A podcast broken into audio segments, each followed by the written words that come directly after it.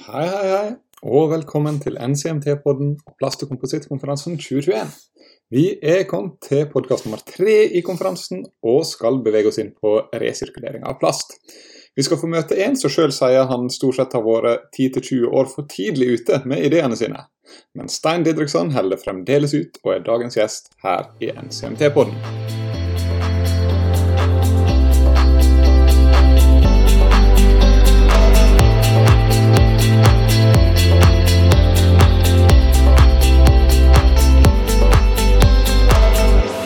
Ja, Stein. Tredje generasjons plastingeniør. Utdanna i Østerrike var det i 1973. Du har jobba i plastindustrien både i Norge og internasjonalt siden 1975. Du har vært med på hele reisa, rett og slett. Og i dag skal vi få et lite innblikk i den.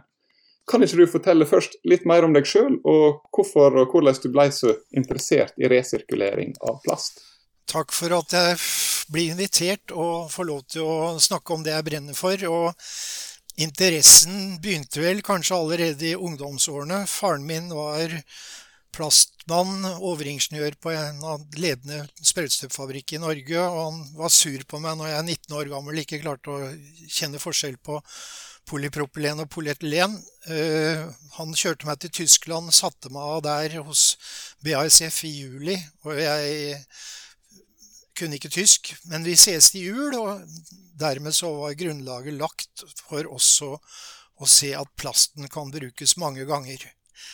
Eh, havnet i Østerrike som plastingeniør, som du sa, og fikk jobb innen multinasjonale plastverden og selge råvarer. Og så kom jeg inn i en Fredrikstad-bedrift som den gangen hadde en omsetning på 8 millioner i 1990. 182, og nå har den 3,3 milliarder, som heter Jakan. Og der så jeg at ekspandert polystyren, det alle kaller isopor, det kan brukes mange ganger. Og fikk en del penger av Miljøverndepartementet den gangen for å resirkulere ekspandert polystyren og putte det inn i isolasjonsplater. Noe vi også satte i gang allerede i 1990 90-91. Men som ofte i mitt liv så var det 20-30 år for tidlig. Men dermed så var interessen vekket, og, og der har jeg fortsatt med, som fabrikksjef på et par store fabrikker, hvor det å bruke nye ressurser har vært hovedsaken, men å bruke ting om igjen og ta vare på ressursene har vært viktig for meg hele veien. Vi har bare én jord, og plastens rolle, den har dessverre vært ikke populær noen gang. Men eh, det er jo ikke plastens feil at vi kaster den på feil sted. Det må vi gjøre noe med ganske fort. Ja, ja det er klart. Men da vi satt og planla den podkasten her, så sa du at du ønsker rett og slett å ta samtalen vår og se hele vinklinga på podkasten ut fra en produksjonssjef sitt perspektiv. Hvorfor ønsker du det?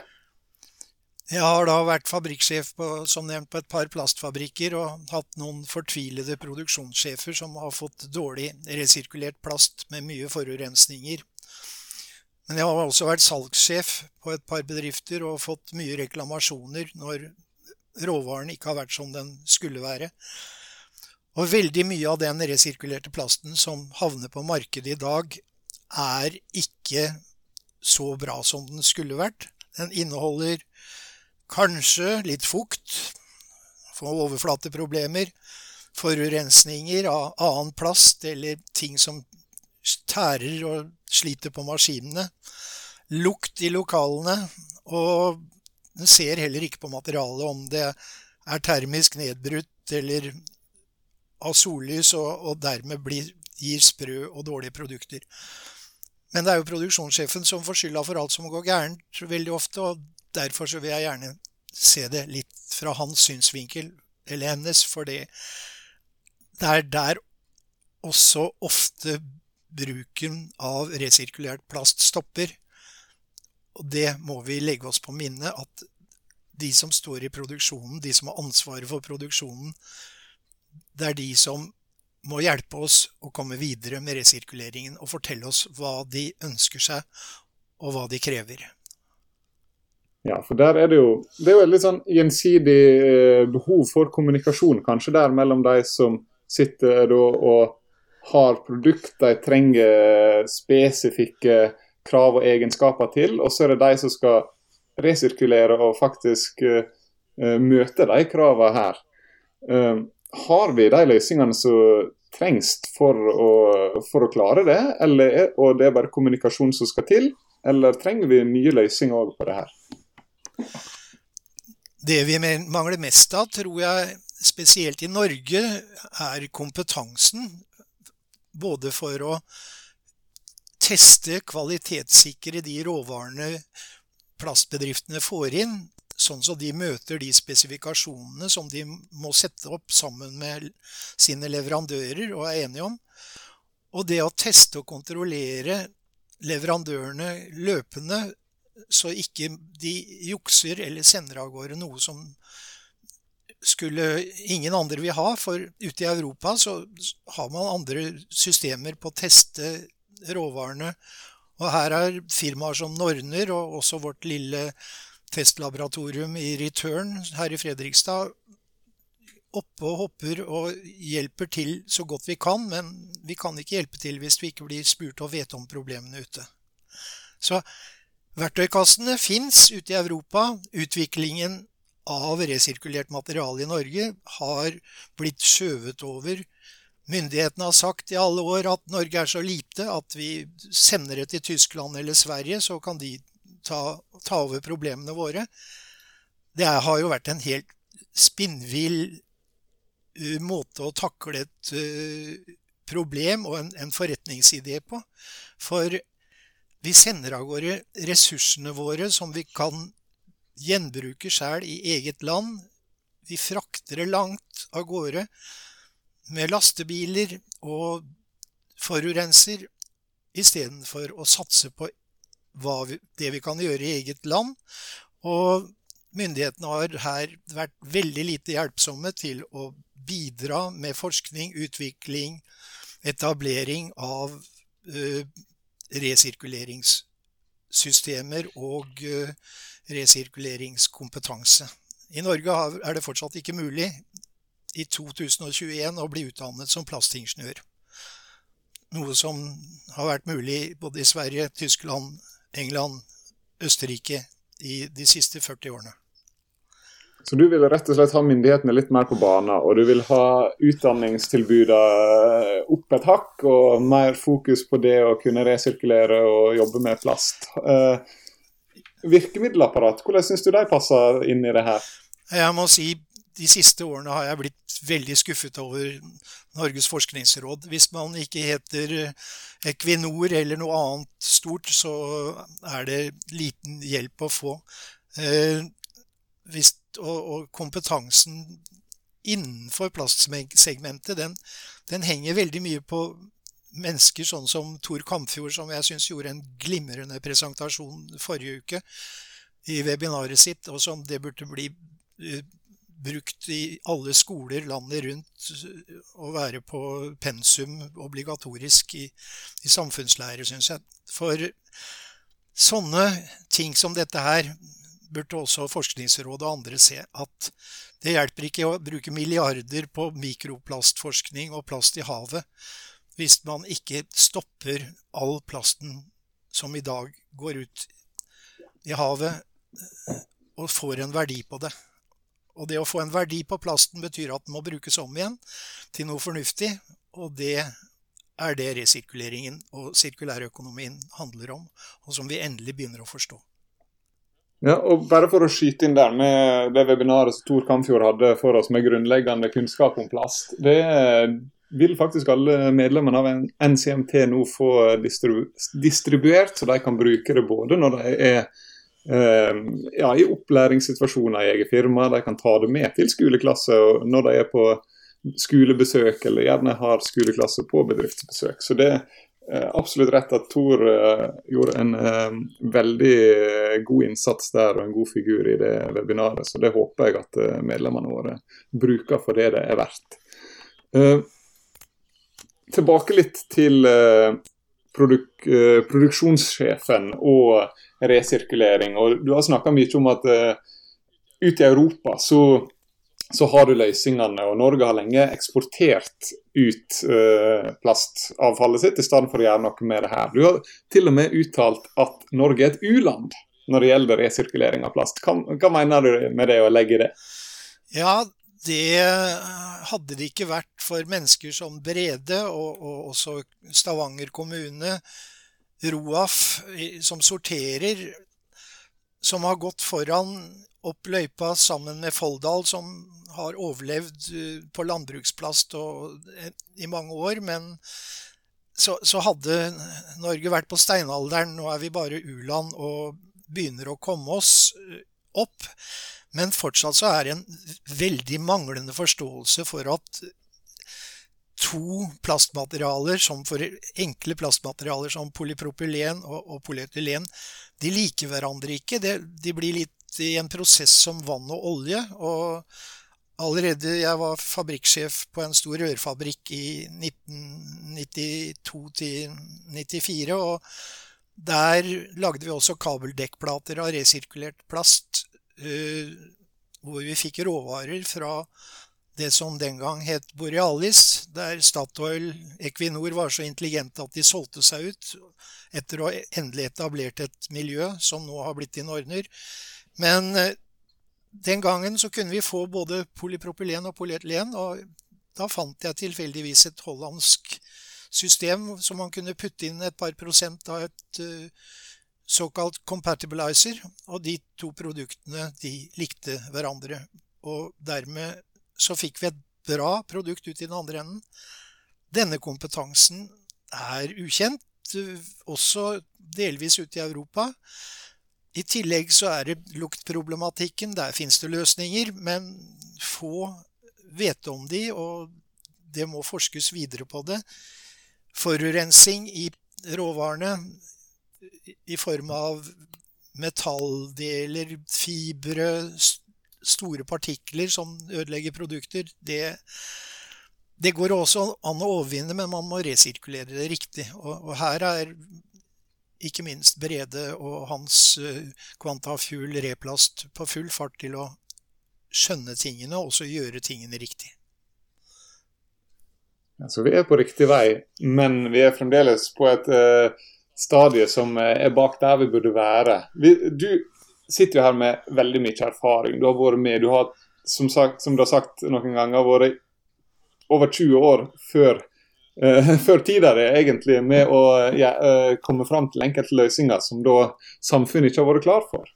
Uh, hvis du nå skal få sjansen til å både gi hvem som helst et lite spark bak, og Eh, skissere framtidsscenario for norsk plastindustri og resirkulering av norsk uh, plast. Hvordan ser din uh, ja, hvordan ser plastindustrien ut da, når du har fått bestemme alt? Nei, det tror jeg ikke hadde vært sunt. Men det første som jeg ville gjort, var å fått Norges forskningsråd, som nettopp ga Norsus Østfoldforskning avslag på en stor resirkuleringsprosjekt og bare bruker masse fine ord og er så akademiske at uh, vi kommer ikke i gang med noen ting. Uh, så må jeg takke Handels miljøfond for at de i det minste putter inn litt penger, sånn så vi kan komme i gang med noen småprosjekter. Men det blir jo bare å skrape på overflatene og, og, å slukke noen små branner, mens eh, de store brannene de fortsetter. Og utskiping av eh, store mengder plastavfall skjer ukentlig fra de fleste innsamlingsstasjoner, søppelfyllinger og, og anlegg. Det går for treigt, og det tar for lang tid, og det er ikke vilje hos politikere eller myndigheter til å putte inn ressursene der det er mest behov for dem. I tillegg så må vi hjelpe til å få en høyere verdi på resirkulert plast, øh, eller på plasten generelt. For det er ingen som er interessert i masse plunder og heft, verken som produksjonssjef eller andre, med resirkulert plast inn som gir en dårligere kvalitet, og som en skal betale ekstra for, det, det, blir, det blir, galt. Og her må, finne, må, vi finne noen løsninger som bør komme på bordet ganske fort. Og da, Når vi skal finne noen løsninger, da, må, da tenker du at myndighetene må, må, på banen, i tillegg til at hver enkelt aktør må gjerne gå i seg sjøl og, øh, og både mobilisere litt, kanskje, og finne midler? til å gjøre det her, eller uh, hva du tenker? Ja, Problemet er jo at uh, for å overleve, og det å overleve som plastprodusent i Norge i dag, er, har og de siste 50 årene har ikke vært enkelt. Det har Verktøyindustrien har forsvunnet. Den forsvant først i Portugal, nå til Kina. Uh, veldig mye av produksjonen som ikke er voluminøs, har havnet i utlandet. Kompetansen har også sunket de siste årene. Så, så det å få, få til at uh, resirkulert plast er hipt og inn og alt de andre fine uttrykkene, det, er, det, blir en kjempejobb. Her jobber bilindustrien ute i Europa veldig mye. og Jeg var en tur i Tyskland i sommer, kjøpte en Samsonite-koffert uh, som var laget av resirkulert polypropylen. Og den skal jo tåle å bli slått på og kasta rundt på flyplasser. I tillegg så hadde den et håndtak og en eh, dekal som var i eh, trefiberarmert eh, polypropylen. Noe som også skal i gang i Norge etter hvert. Og det får vi vel høre om hos deg om ikke så lenge, det også. Ja, allerede nå på torsdag, så i samme webinar som Brede Modal og Replast skal snakke om resirkulering av plast, kommer Hugo Harstad inn og snakker om trefiberforsterking av plast. Ja. Det begynte jeg med i 1998, og det var også sånn rundt 20 år for tidlig. Så, men den spant ut i en stor fabrikk i Tyskland som nå produserer 60 000-70 000 tonn med terrassebord og havemøbler og annet eh, av eh, plast som inneholder helt opp til 77% trefiber. og Dermed så går fossile fotavtrykket ned, og vi drøyer plasten og kan bruke den. Vi har, vi har mye mer plast å bruke. Og Dette kommer til å gå inn også i, Tyskland er det på full fart inn som uh, til, i bygningsindustrien til paneling av hus og lignende. Så, så det skjer ting ute i verden. Vi kommer litt etter. Og der er jo et marked, der vil jo bli et marked som vokser på plast. Hvis vi igjen refererer til uh, Tor Kamfjord sin, sitt webinar, så viste han jo veldig tydelig hvordan uh, det er et enormt forbruk av plast i den vestlige verden.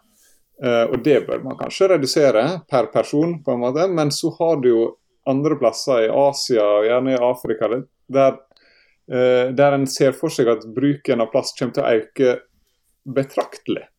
Uh, så det vil jo være et marked. Og så er det om å gjøre å få den her til å bli så, med så lite fotavtrykk i livsløpet som mulig, den plasten.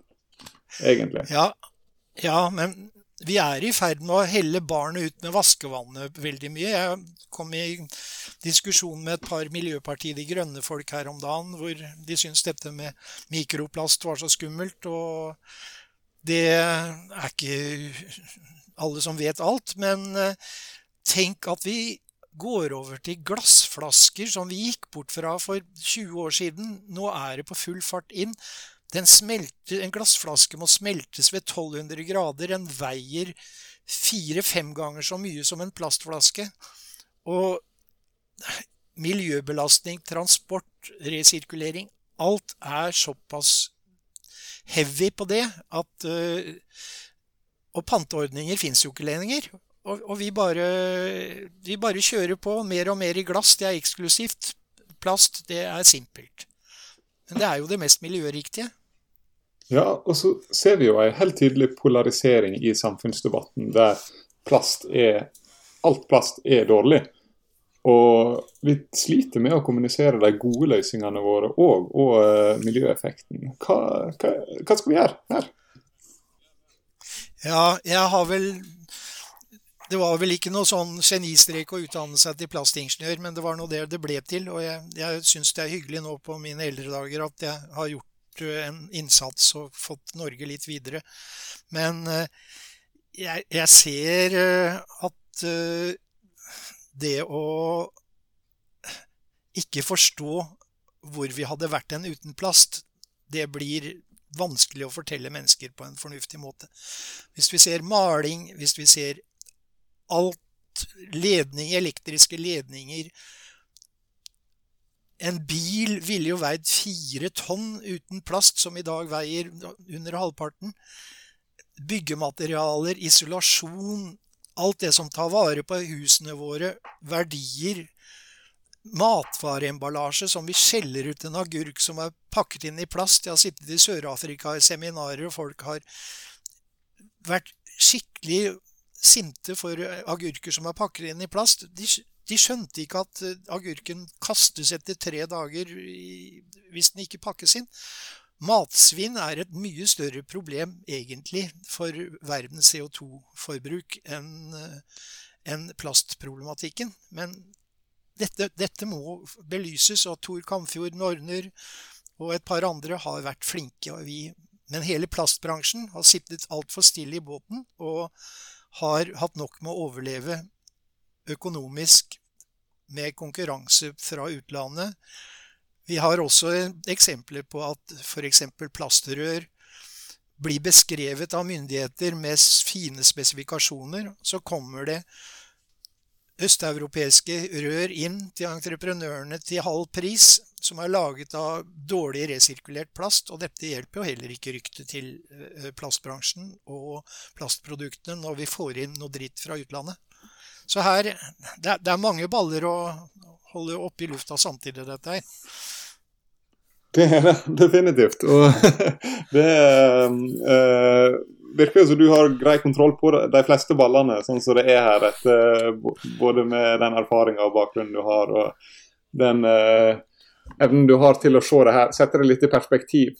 Så eh, nå har vi jo fått god innsikt i veldig mye forskjellig her, og vi har snakka om både virkemiddelapparater virkemiddelapparatet vi har vært innom, og hvordan de kanskje bør eh, hjelpe til i forhold til resirkulering. Vi har snakka om eh, eh, kvaliteten og det er én ting på kvalitet òg som jeg ønsker å komme inn på. Det er litt sånn den her resirkuleringsbiten og resirkulert plast har en tendens til å bli ganske enkle produkt. Hvordan får en det her til mer og mer høgverdige produkt når en eh, og ikke bare muligheten for å ha høgverdige produkt, men hvordan får en de høgverdige resirkulerte produktene i produksjon?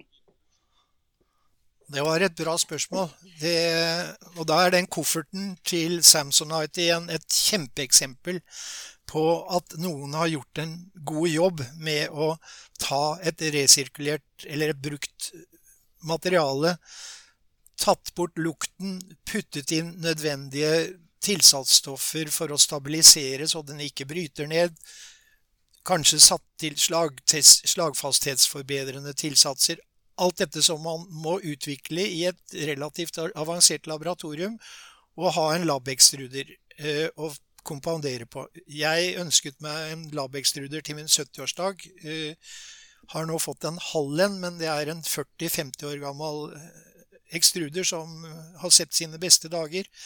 Vi skal ha den opp og gå, men fortsatt så står en ordentlig avansert laboratorieekstruder høyt på ønskelista. og Det kommer jeg til å jobbe for å få et år eller to til. For eh, det å ta frem disse produktene av noe som i utgangspunktet er ganske simpelt og relativt ubrukelig til avanserte anvendelser, og lage noe høyverdig av det, det er en oppgave som krever jobb og kompetanse og utstyr og en omfattende verktøykasse. Det er ikke tvil om, men det er mulig. Og vi ser hvordan bilindustrien også nå kjører på fullt inn med resirkulert plast inn i bilene som verken lukter eller gjør noe som helst annet skade, og som er kvalitetssikra. Kvalitetssikring av resirkulert plasten, det vil jeg si er i hvert fall en viktig nøkkel for å få suksess med resirkulerte plastmaterialer også i Norge. Ja, så Da kan vi jo egentlig bare oppsummere med at det er kompetanse, kommunikasjon og cash som skal uh, gjøre at Norge ikke lenger er et u-land når det kommer til resirkulering av plast. Allerede nå på torsdag blir det mer om resirkulering og oppgradering av plast. Da er det klart for webinar med Brede Modal fra Replast og Hugo Harstad fra Norske Skog Saugbrugs. Husk å melde deg på konferansen for å få med deg det webinaret. Så vil jeg takke deg, Stein, for at du var med i NCMT-podden og dagens episode. Og det har vært veldig kjekt å ha deg med. Og nå har vi fått virkelig høre det rett fra levra. Tusen, tusen takk.